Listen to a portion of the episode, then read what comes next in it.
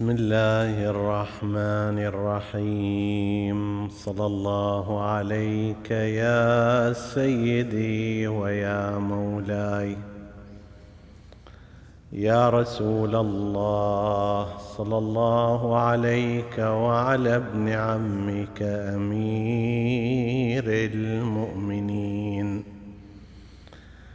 وإمام المتقين صلى الله عليك يا سيدي ويا مولاي يا أبا عبد الله الحسين وعلى آل بيتك الطيبين الطاهرين ما خاب من تمسك بكم وأمن من لجأ إليكم. يا ليتنا كنا معكم فنفوز فوزا عظيما. روي عن سيدنا ومولانا أبي عبد الله جعفر بن محمد الصادق سلام الله عليه أنه قال إن هذا القرآن فيه نبأ ما قبلكم وخبر ما بعدكم وحكم ما بينكم وأنا أعلم ذلك كله. صدق سيدنا ومولانا أبو عبد الله جعفر بن محمد صلوات الله وسلامه عليه. عطروا مجالسكم بذكر محمد وآل محمد.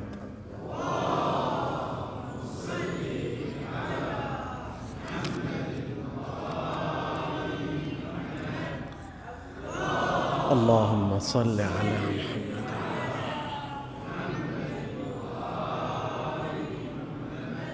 اللهم صل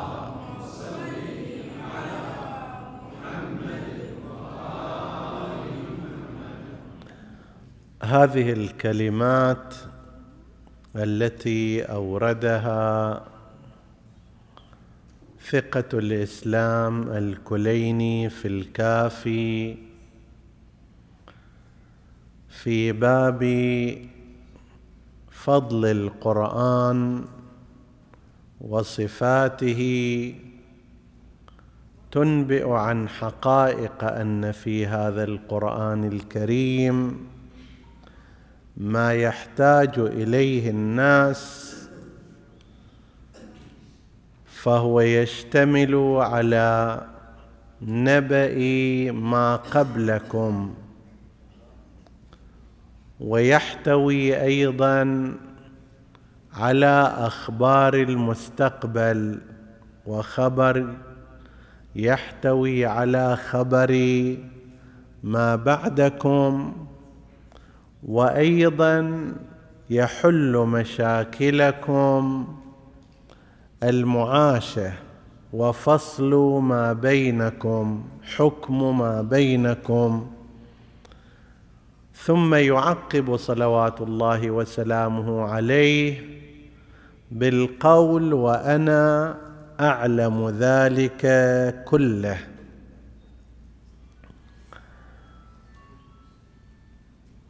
هل يستطيع الإنسان كما هي الدعوة الموجودة الآن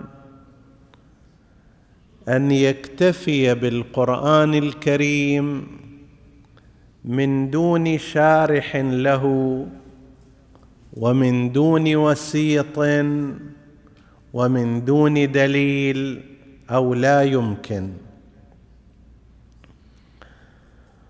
الرؤية الدينية عند الإمامية تقول إن الله سبحانه وتعالى أنزل الكتاب وإلى جانبه أرسل النبي معلما ومفهما للناس ويعلمهم الكتاب والحكمة وأخبر أنه من وظائفه أنه يعلمهم آيات الكتاب. وبعد النبي صلى الله عليه وآله قرن بين العترة وبين القرآن الكريم. وفي هذه الأزمنة يعتمد الإمامية على ما ورد من تفسير وتبيين للقرآن الكريم من رسول الله صلى الله عليه وآله ومن عترته المشرفة بالإضافة إلى ما يفهمه العلماء المتبحرون الراسخون.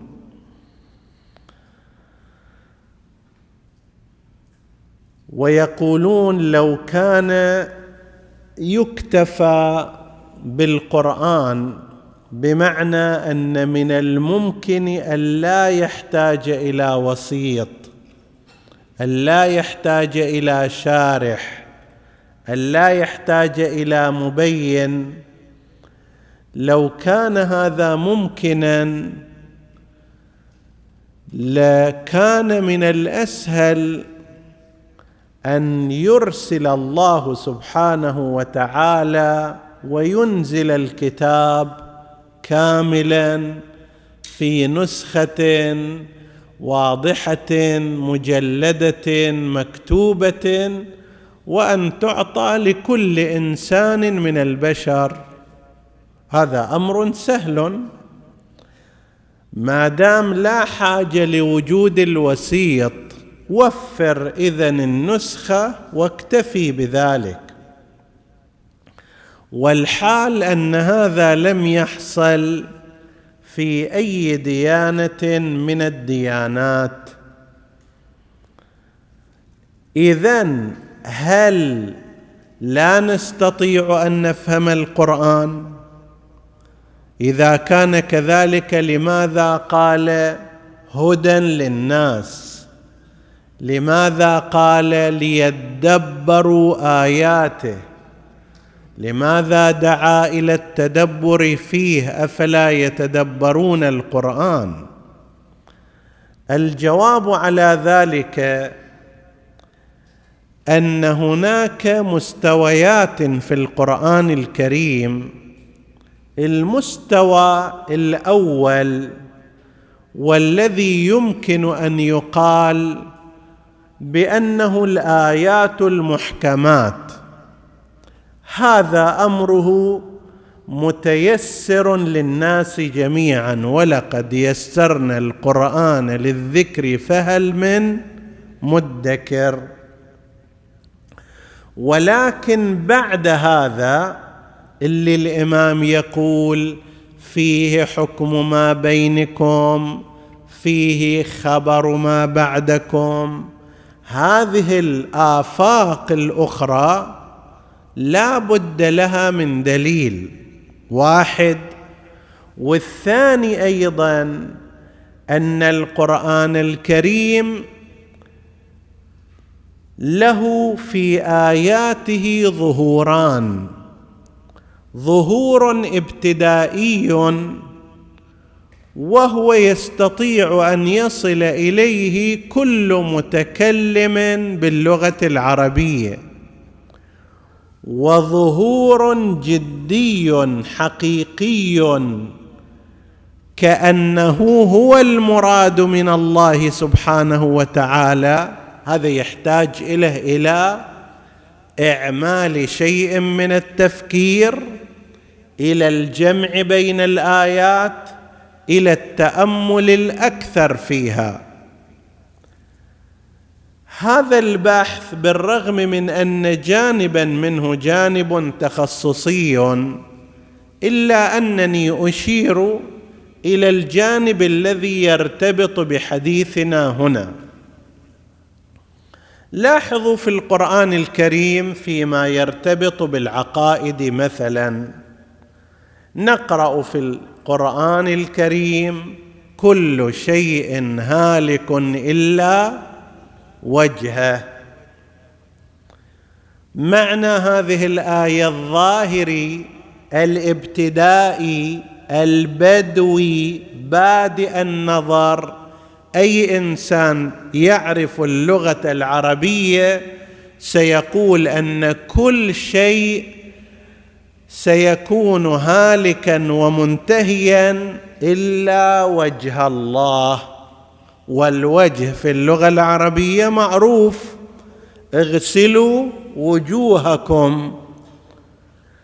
ألقاه على وجهه في قضية نبي الله يوسف ألقى القميص جاء البشير وألقاه على وجه يعقوب هذا الوجه.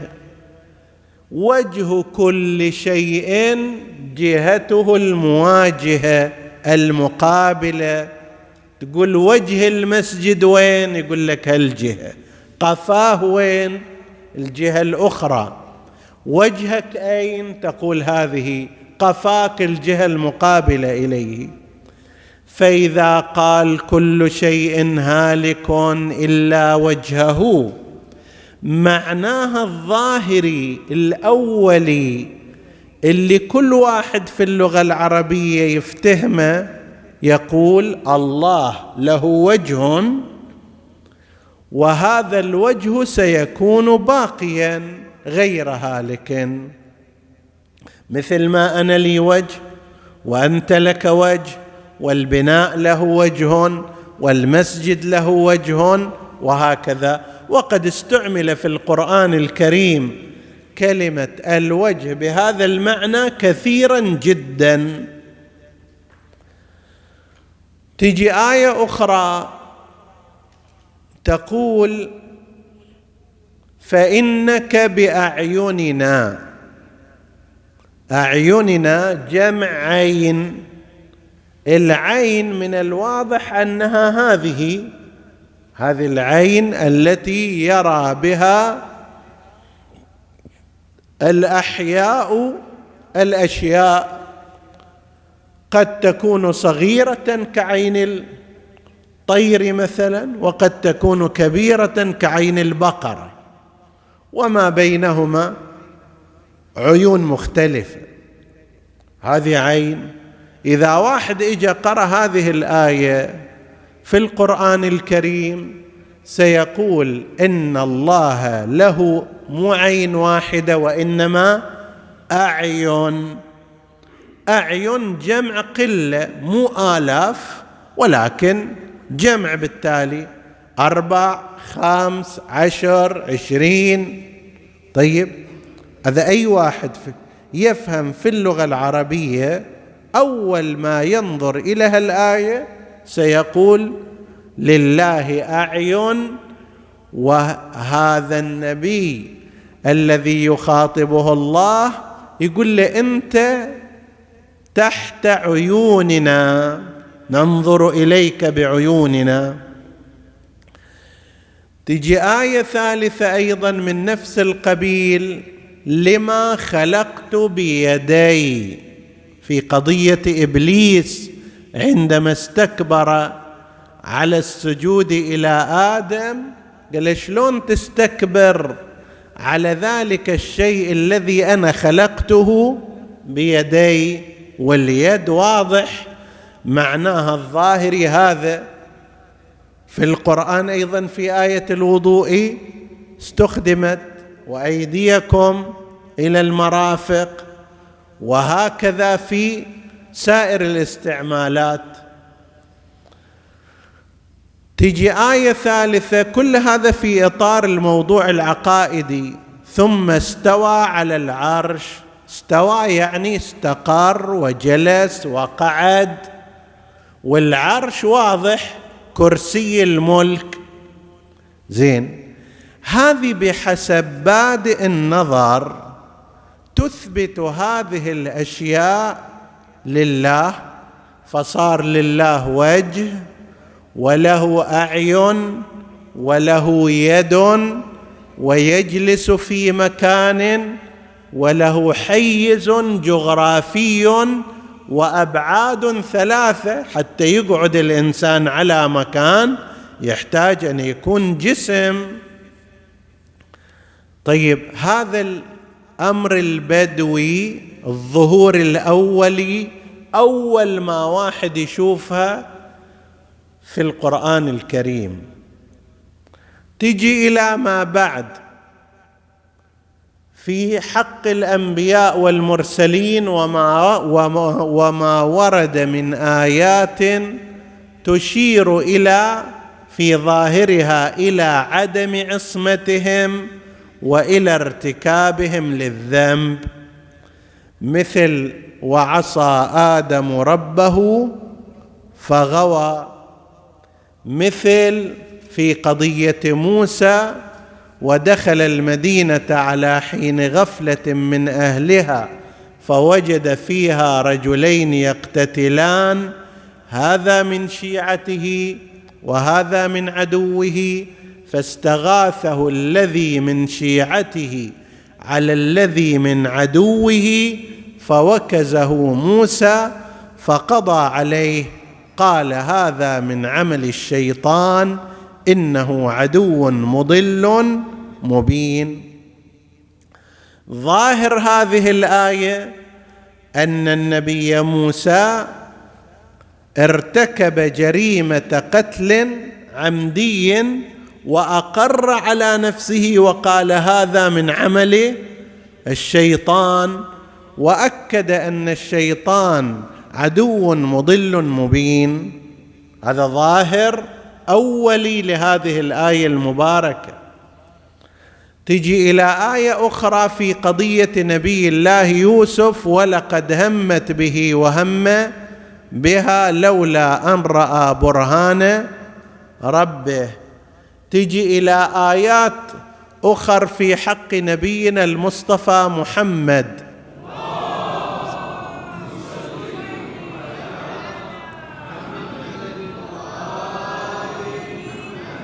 لتنسب إليه الذنب وأن الله قد فتح له فتحا مبينا ليغفر له ما تقدم من ذنبه وما تأخر.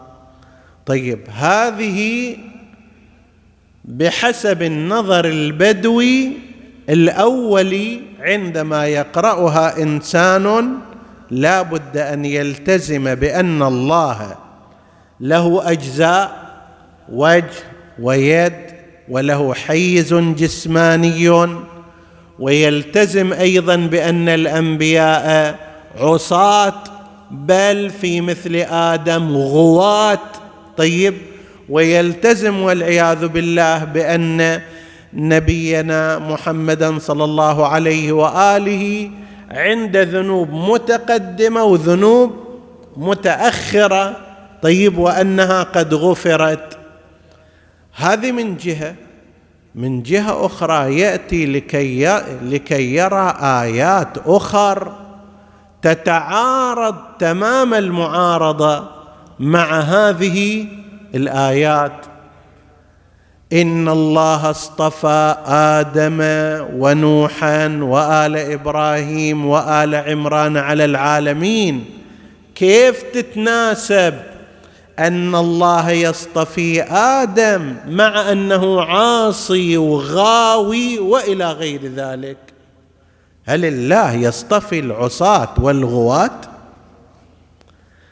تجي إلى قضية نبي الله موسى نبي الله موسى اللي أكثر واحد من الأنبياء ذكر في القرآن هو نبي الله موسى.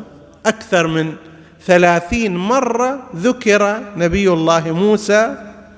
وهذا من أولي العزم وهذا من تلك السلسلة والذرية النبوية التي تنتهي إلى إبراهيم عليه السلام. طيب ونزل عليه الوحي وهالكرامة اللي عنده فإذا به قاتل يعمل عمل الشيطان كيف هذا ينسجم مع ذاك؟ وتأتي إلى نبينا المصطفى محمد.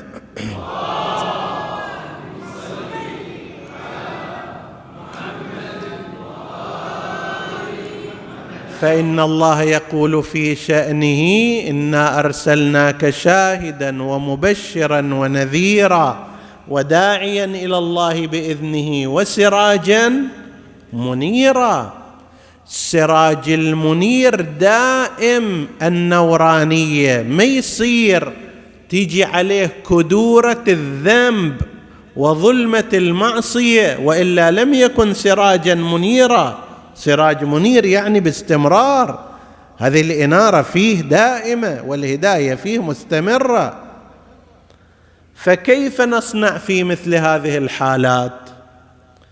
الأمر الأول أن يقال ما ذكرناه قبل قليل أن القرآن الكريم يحتاج إلى دليل يدل عليه. نعم في المستوى الأول فيما هو واجب على الناس في خطابات القرآن المباشرة هي ما يحتاج خلافا لما ذهبت إليه المدرسة الأخبارية من الشيعة الإمامية. الشيعة الإمامية كما تعلمون مدارسهم الفقهية متنوعة منها المدرسة الأخبارية ومنها المدرسة الأصولية. وذكرنا قبل سنوات متعددة عند حديثنا في هذا المسجد المبارك عند حديثنا عن الفقيه المحدث الشيخ يوسف البحراني رضوان الله تعالى عليه صاحب الحدائق. ذكرنا الفروق التي ذكرت بين المدرسة الأصولية وبين المدرسة الأخبارية في موضوع الاستنباط الفقهي.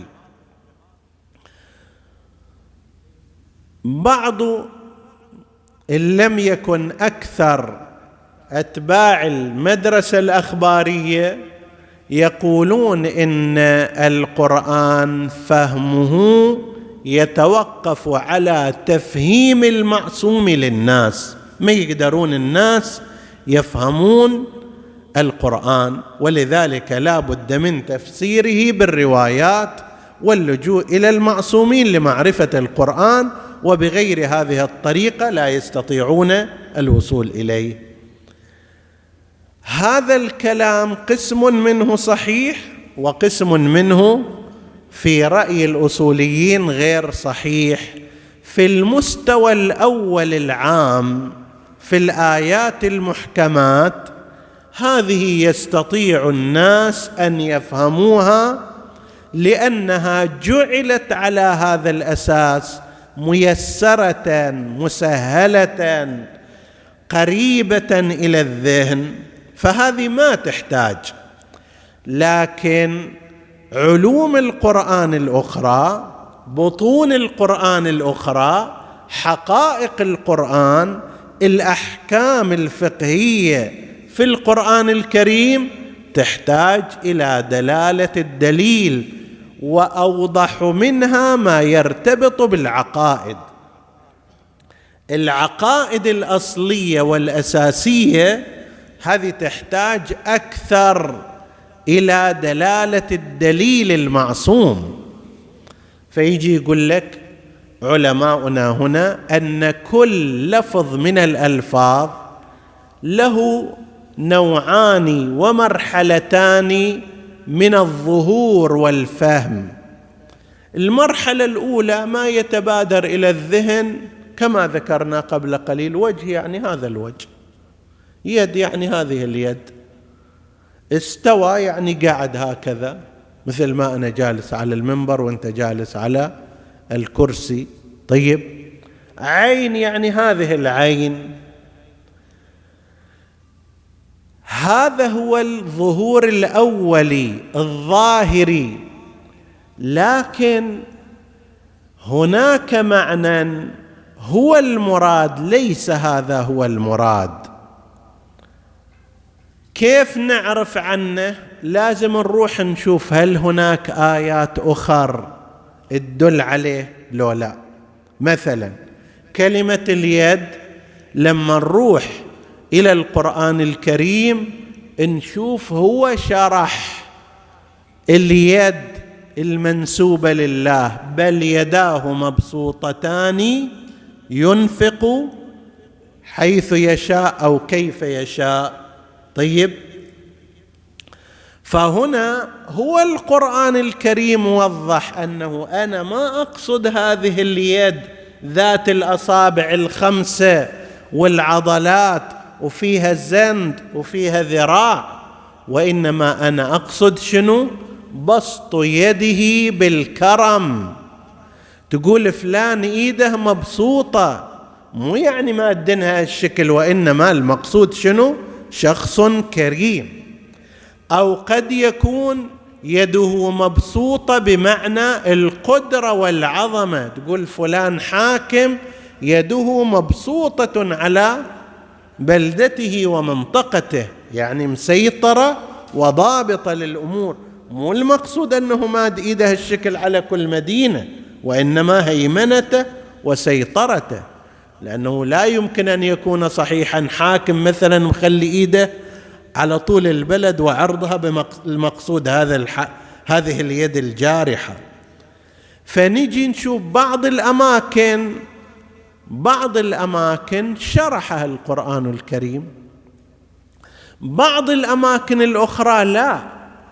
أكو عندنا قرائن على أن الله سبحانه وتعالى لا يقصد هذا المعنى في القرآن الكريم.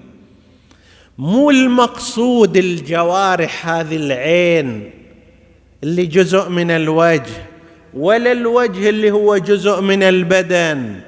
ولا اليد اللي هو اللي هي جزء من البدن وإنما المقصود شيء آخر. وقطعا هذا ما مقصود. من وين نعرف هذا؟ نقول ها لأنه قام دليل آخر على أنه لو كان المقصود هذه المعاني للزم التجسيم لله عز وجل. وإذا لزم التجسيم صار محدود وإذا صار محدود صار الفضاء اللي هو فيه أكبر منه. الآن أنا لما أقعد على هذا المنبر المنبر هذا أكبر مني لأنه هو الذي يحتويني. صحيح ولا لا؟ لما أنت تقعد في هذا المسجد لابد أن يكون المسجد أكبر منك لأنه هو الذي يحتويك. فإذا كان العرش يحتوي الله كما يقولون قعد على العرش. قعد يعني خلاص صار داخله. مثل هذه القعده صار هذا المكان أعرض منه أكبر منه. هنا ما صار الله أكبر كبيرا. صار هو أصغر من بعض المخلوقات. فلا يمكن أن يكون هكذا. إذا قلنا هذا وجه وعين ويد معنى ذلك أنه احتاج كله إلى جزئه شلون معنى احتاج كله إلى جزئه الآن أنت حتى تصير إنسان كامل أنت مركب من شنو؟ من أعضاء من يد ورجل وعين وأنف وفم وأذن وقلب وإلى آخره. فلو فرضنا هالأجزاء انشالت من عندك انت شنو؟ تنعدم. صحيح ولا لا؟ ما تبقى. فأنت محتاج لأجزائك وأعضائك لبقائك. أنت محتاج. لكي تكون موجودا لا بد أن تحتاج إلى هذه الأعضاء. إذا قلنا هالأمور هذه وجه ويد وعين وما شابه ذلك. موجودة لله صار الله يحتاج إلى هذه الأمور. والله هو الغني الحميد. لا يمكن أن يحتاج إلى شيء ابدا بل كل شيء غيره محتاج إليه. طيب. فإذا نجي نقول لا يمكن أن يكون المقصود بهذا العين بهذا المعنى ولا اليد بهذا المعنى ذات الخمسة الأصابع ولا الرجل هكذا. وأمثال هذا على رأي من؟ على رأي الإمامية. بعض المذاهب الأخرى لا سيما منها الحرفية تقول لا خصوصا عندهم بعض الأحاديث نقلوها في الصحاح أن الله يضع رجله في نار جهنم فصار عنده رجل وإيد وعين وجه وش بقى بعد؟ طيب. فإحنا هذه تكون قرينة عندنا على أنه ليس المقصود من ذلك هذا المعنى. هذا من اللي عرفه؟ الراسخون في العلم. هم في طليعتهم محمد وآل محمد.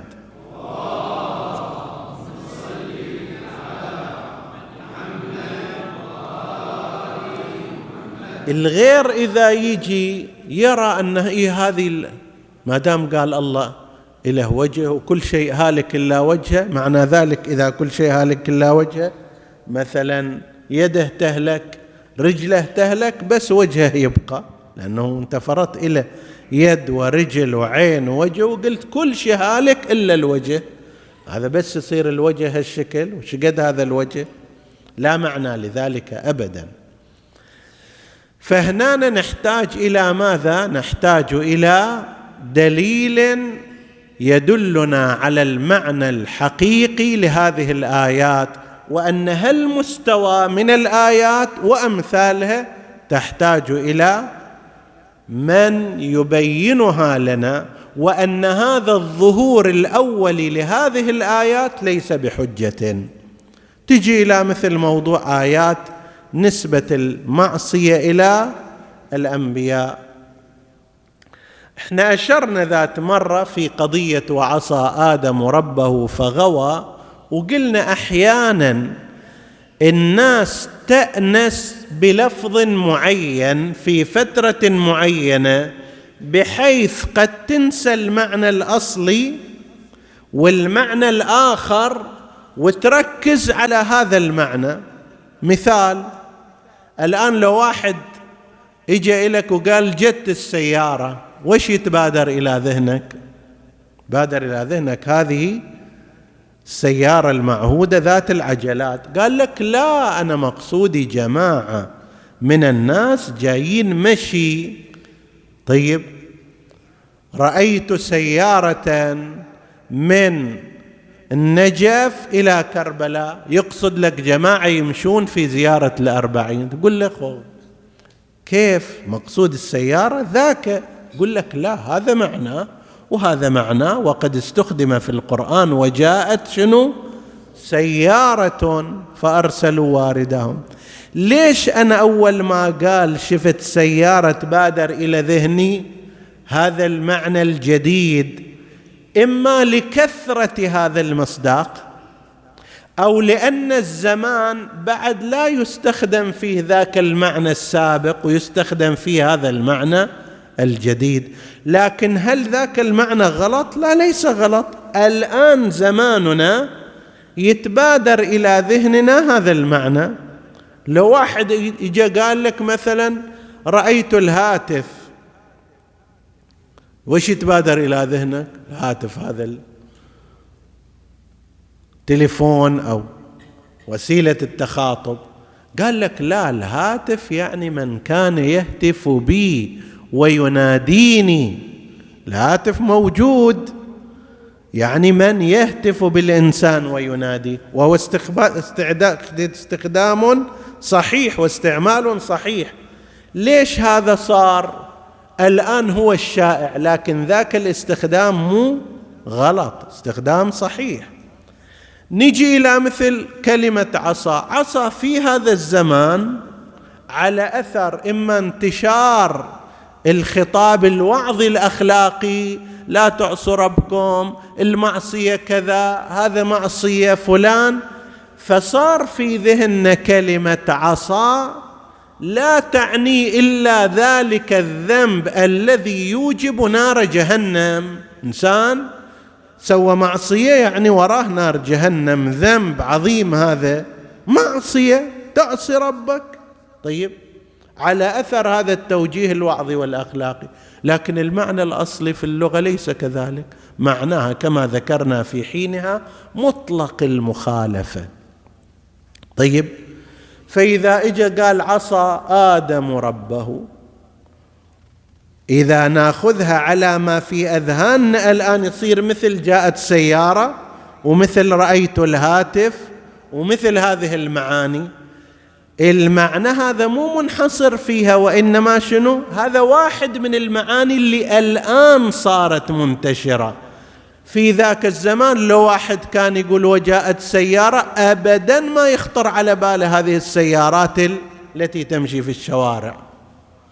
في ذاك الزمان لو واحد قال رأيت الهاتف أو ناداهم هاتف من بعد موتهم ابدا ما يتبادر إلى ذهنه. هذا الجهاز.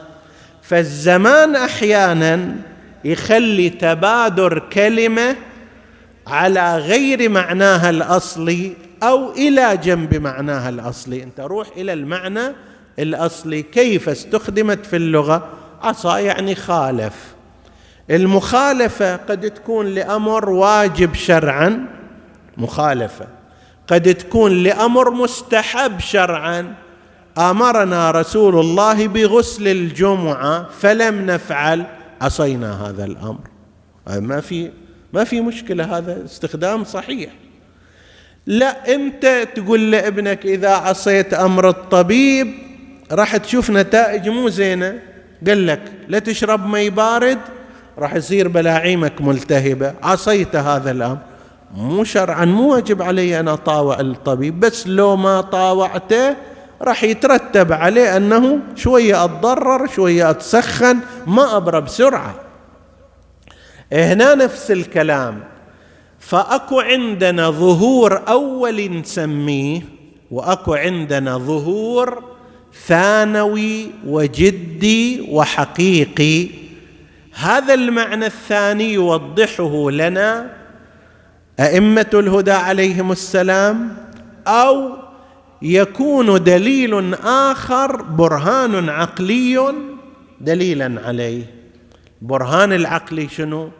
أنه نقول لو أن الأنبياء كانوا يعصون ربهم اولا كان غلط أن يصطفوا ثانيا الناس لا يتبعونهم.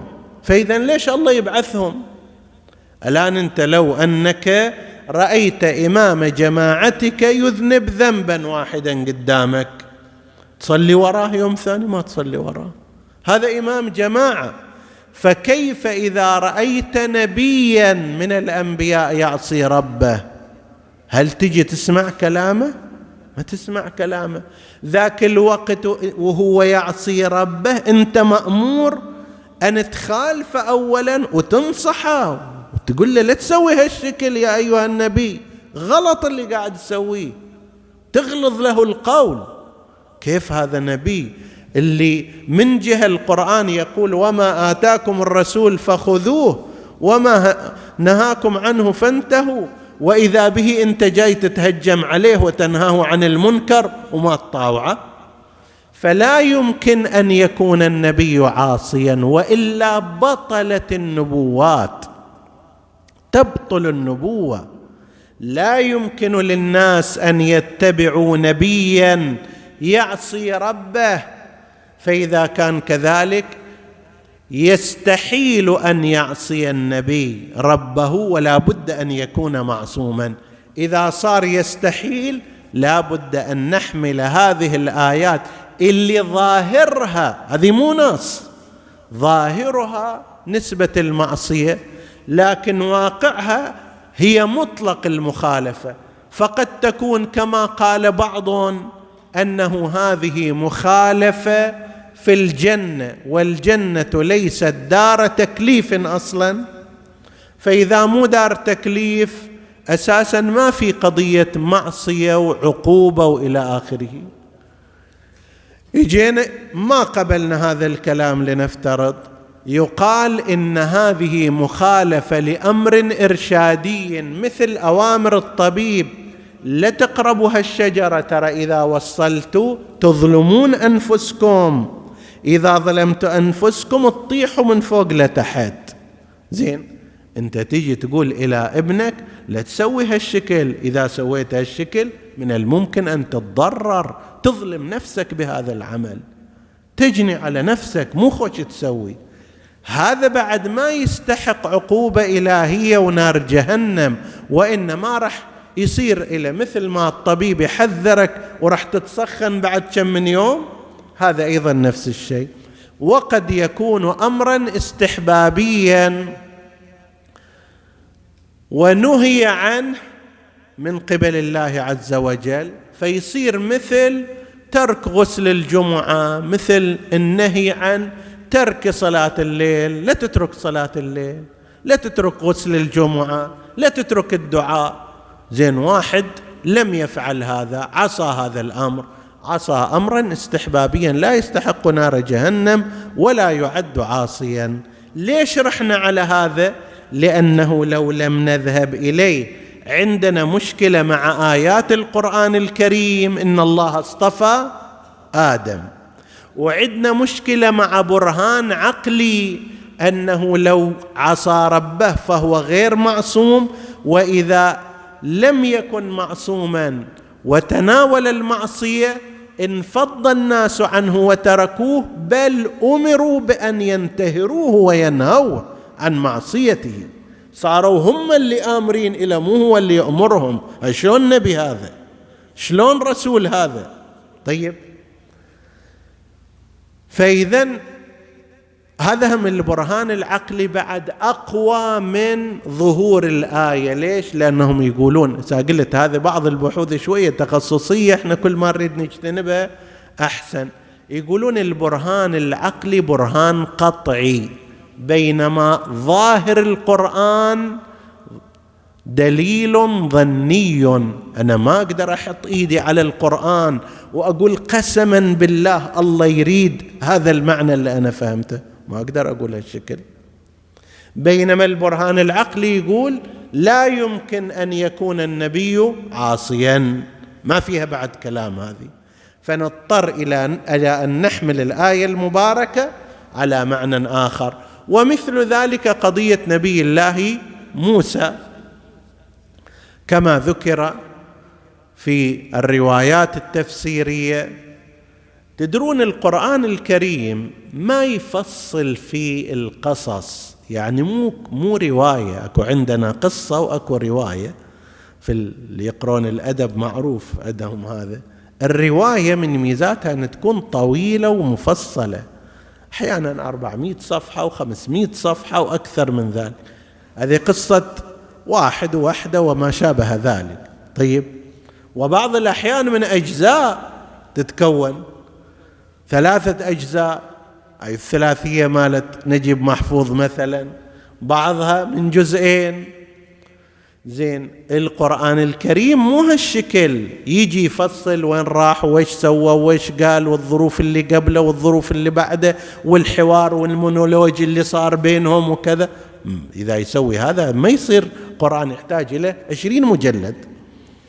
وإنما يأتي بإشارات. هاي القصة مالت نبي الله موسى عندما جاء ووجد رجلين يقتتلان واحد من جماعته واحد من الطرف الآخر فوكزه موسى فقضى عليه قال هذا من عمل لو واحد روائي يريد يكتب في هذه يحتاج إلى عشرين صفحة ثلاثين صفحة وما موصل إليها. القرآن في ثلاثة أسطر يسويها كلها يطويها. طيب هنا تحتاج إلى من يفتحها. إذا شفنا فيها إجمال هذا من عمل الشيطان. قالوا موسى قتل ذاك قتل عمدي بدون سبب. بعدين قال هذا من عمل الشيطان. من وين جبت هالكلام هذا؟ هذا من ظاهر اللفظ. زين هذا اولا يعارض عصمة النبي.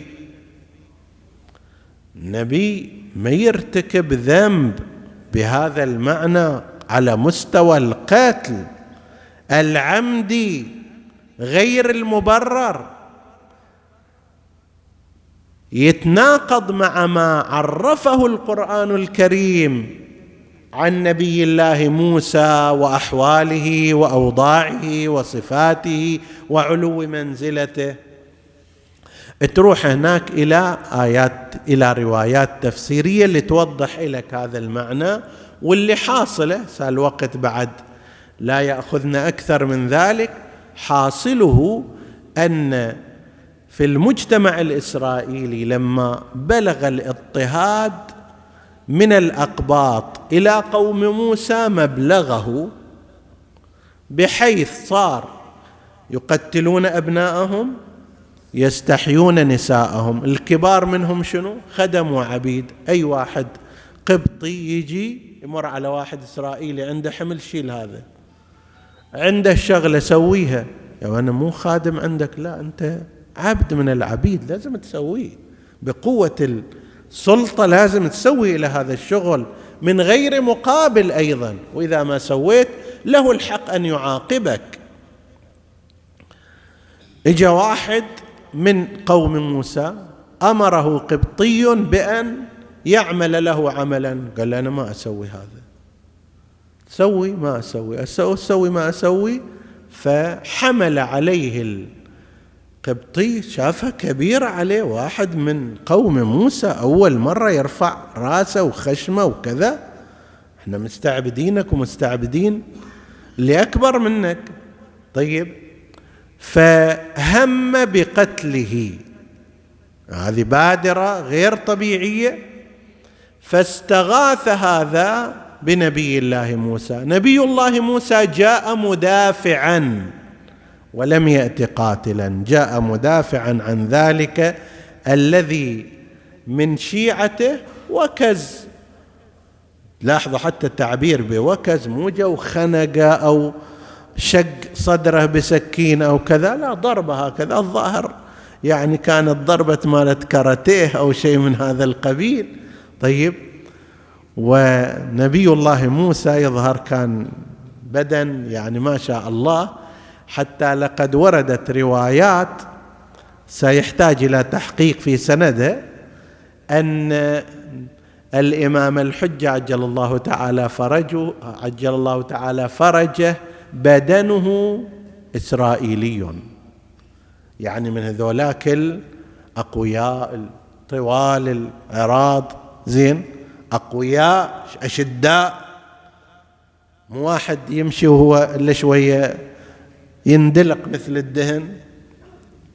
طيب الحاصل فهذا اجى ضرب هالشكل وكزه صارت الضربة بشكل اللي ذاك القبطي هم يظهر القبطي واحد مترف عدل زايد يعني بحيث هالوكزة هذه مو جرحته ولا طيحته وإنما كانت القاضية. زين.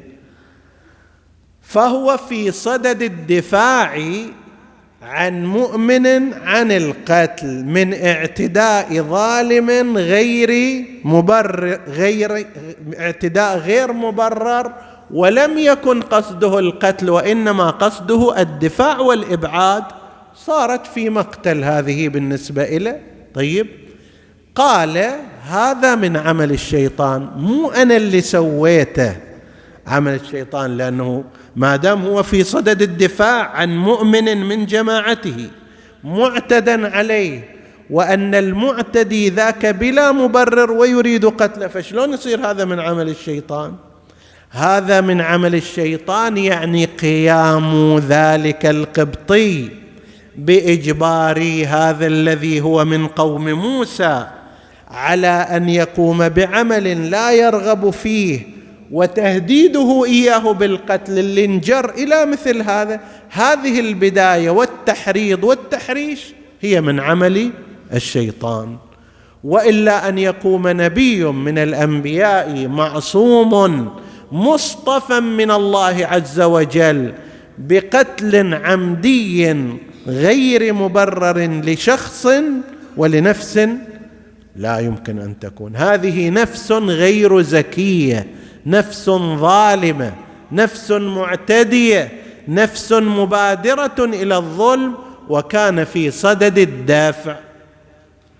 وين صار ذاك المعنى وين صار؟ هذا المعنى.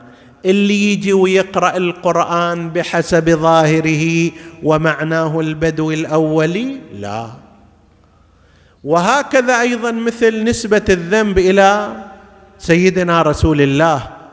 صلى الله عليه وآله كيف يمكن أن ينسب الله لنبيه ذنبا من هذه الذنوب التي نحن نعرفها وهو لم يخلق في الخلق احدا أكمل منه؟ وهو الذي رفعه وهو الذي طهره وطهر ذريته بسببه. فكيف يصنع ذنبا متقدما ومتاخرا حسب التعبير؟ نجي نقول هنا الذنب هنا ما هو المعنى؟ معناه ما يؤاخذ به أحد احدا. مو الذنب معناه إلا أن يكون معصية لله عز وجل وتودي إلى النار. لا. مثل ما قال نبي الله موسى ولهم علي ذنب. مو أنا عندي ذنب تجاه الله. هم عندهم علي مشكلة. هم يقولون أنا مذنب. كذلك قريش كانت قايمة قاعدة تحكي إن محمدا سفه أحلامنا وأفسد شبابنا وألغى الهه وهي ذنوب عظيمة بالنسبة لهم. فالله بفتح مكة من قبل نبي الله ورسول الله وعفوه عنهم. اذهبوا فأنتم الطلقاء. مسح هذه الملفات من أنفسهم. أبو سفيان اللي كان قائد المعارك بشكل مستمر إليه النبي قال من دخل دار أبي سفيان فهو آمن. هذا بعد أبو سفيان. انتهى كل ما كان في داخل قلبه يحمله عليه صار شيء آخر. في هذا الموقف لا أقل. بعدين شنو يصير؟ هذا بحث ثاني. قريش اللي كانت ترى في النبي شخص هدم مجتمعهم وخرب كل قضاياهم وكيانهم الآن يقول لهم اذهبوا فأنتم الطلقاء. وما عليكم شيء ولا أحاسبكم بحساب. وهم قالوا إلى أيضا اخ كريم وابن اخ كريم. وين اخ كريم هنا؟ وين أفسد شبابنا هناك؟ هذه إجمال المطلب أن هناك آيات في القرآن تحتاج إلى دلالة دليل وأنه لا يصح أن نأخذها على ظاهرها الأول وإنما لا بد من جمعها مع آيات أخر مع براهين أخر حتى يخرج الإنسان بنتيجة سليمة. نسأل الله أن يجعل القرآن شافعا مشفعا لنا وقائدا إلى الجنة وأن ينير به قلوبنا ويضيء به دروبنا. إنه على كل شيء قدير. هذه الليلة ليلة جمعة وهي الليلة التي تنسب إلى إمامنا صاحب العصر والزمان عجل الله تعالى فرجه الشريف. وينبغي أن يذكر فيها وينبغي أن يندب فيها ويستغاث به ويسأل الله في تعجيل فرجه فإن في تعجيل فرجه فرج الأمة كأمة وفرج الأفراد كأفراد. في دعاء الندبة تقرؤونه إن شاء الله يوم غد وأنتم تقرؤونه في كل الجمع.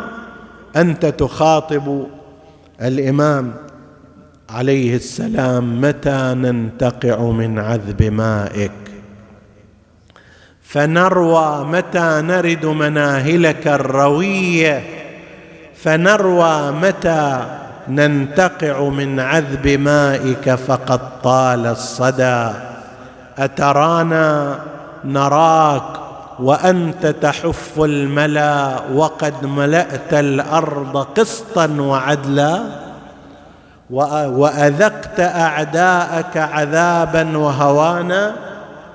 متى نراك وأترانا نراك وقد نشرت لواء النصر؟ ترى متى ننظر إلى ذلك اليوم؟ يا صاحب العصر والزمان يا سيدنا ومولانا يا ابن رسول الله ألا تنظر إلى أحوال هذه الأمة؟ وما هي عليه من التشتت والتفرق والفساد والظلم؟ ألا يهيجك هذا؟ ألا يهيجك ما وقع على آبائك الكرام وأجدادك الطيبين؟ ماذا يهيجك إن صبرت لوقعة الطف الفظيعه ألا يهيجك ما جرى على أمك الزهراء؟ سلام الله عليها. من الظلم والعنة والعناء يا مدرك الثار. البدار البدار شن على حرب عداك المغار. يا قمر التم أما آن ان تبدو؟ فقد طال السرار متى تسل البيض من غمدها؟ وتشرع السمر وتحمي الذمار في فتيه لها التقى شيمه ويا لثارات الحسين. الشعار تنسى على الدايار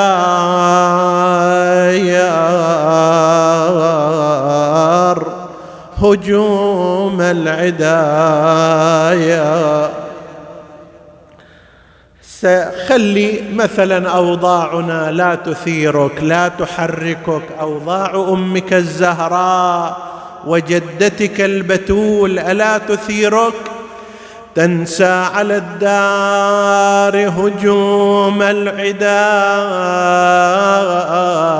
مذ اضرموا الباب بجزل ونار ورد من فاطمة ضلعها. وحيدر يقاد قسرا جهار قد أسقطت جنينها واعترى من لطمة الخد العيون إحمرار فما سقوط الحلم فما سقوط الحلم. ما ضلعها ما عصرها بالجدار.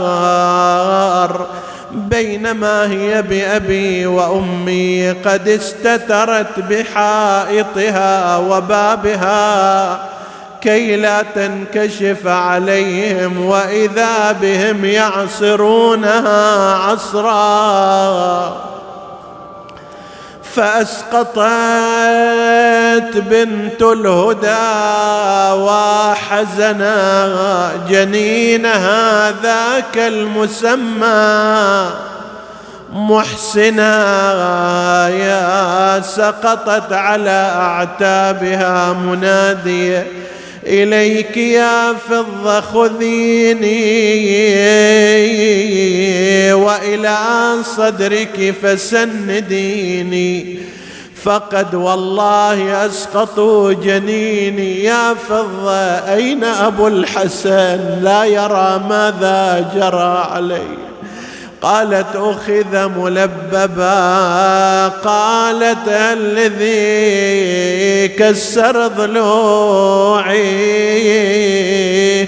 ولطم خدي تعرفيه ذاك ذاح الباب جالس بالعجل قوم اخربري قالت ملبب خذا وحيدر وريتك تنظري. قايد الفرسان حيدار شف قادوه بحبل. طلع لكن ذوبت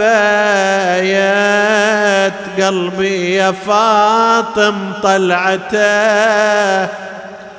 من حني راسه تجري فوق خده دمعته حاير ويكسر الخاطر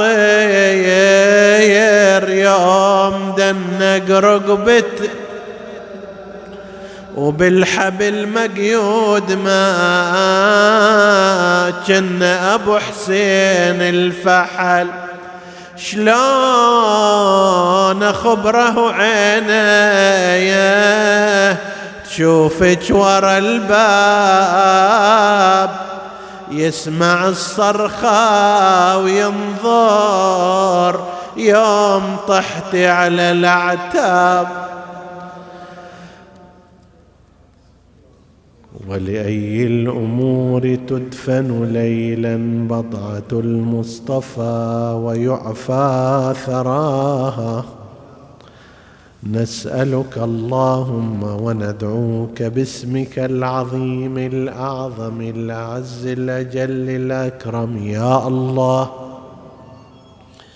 اغفر لنا ذنوبنا كفر عنا سيئاتنا آمنا في أوطاننا.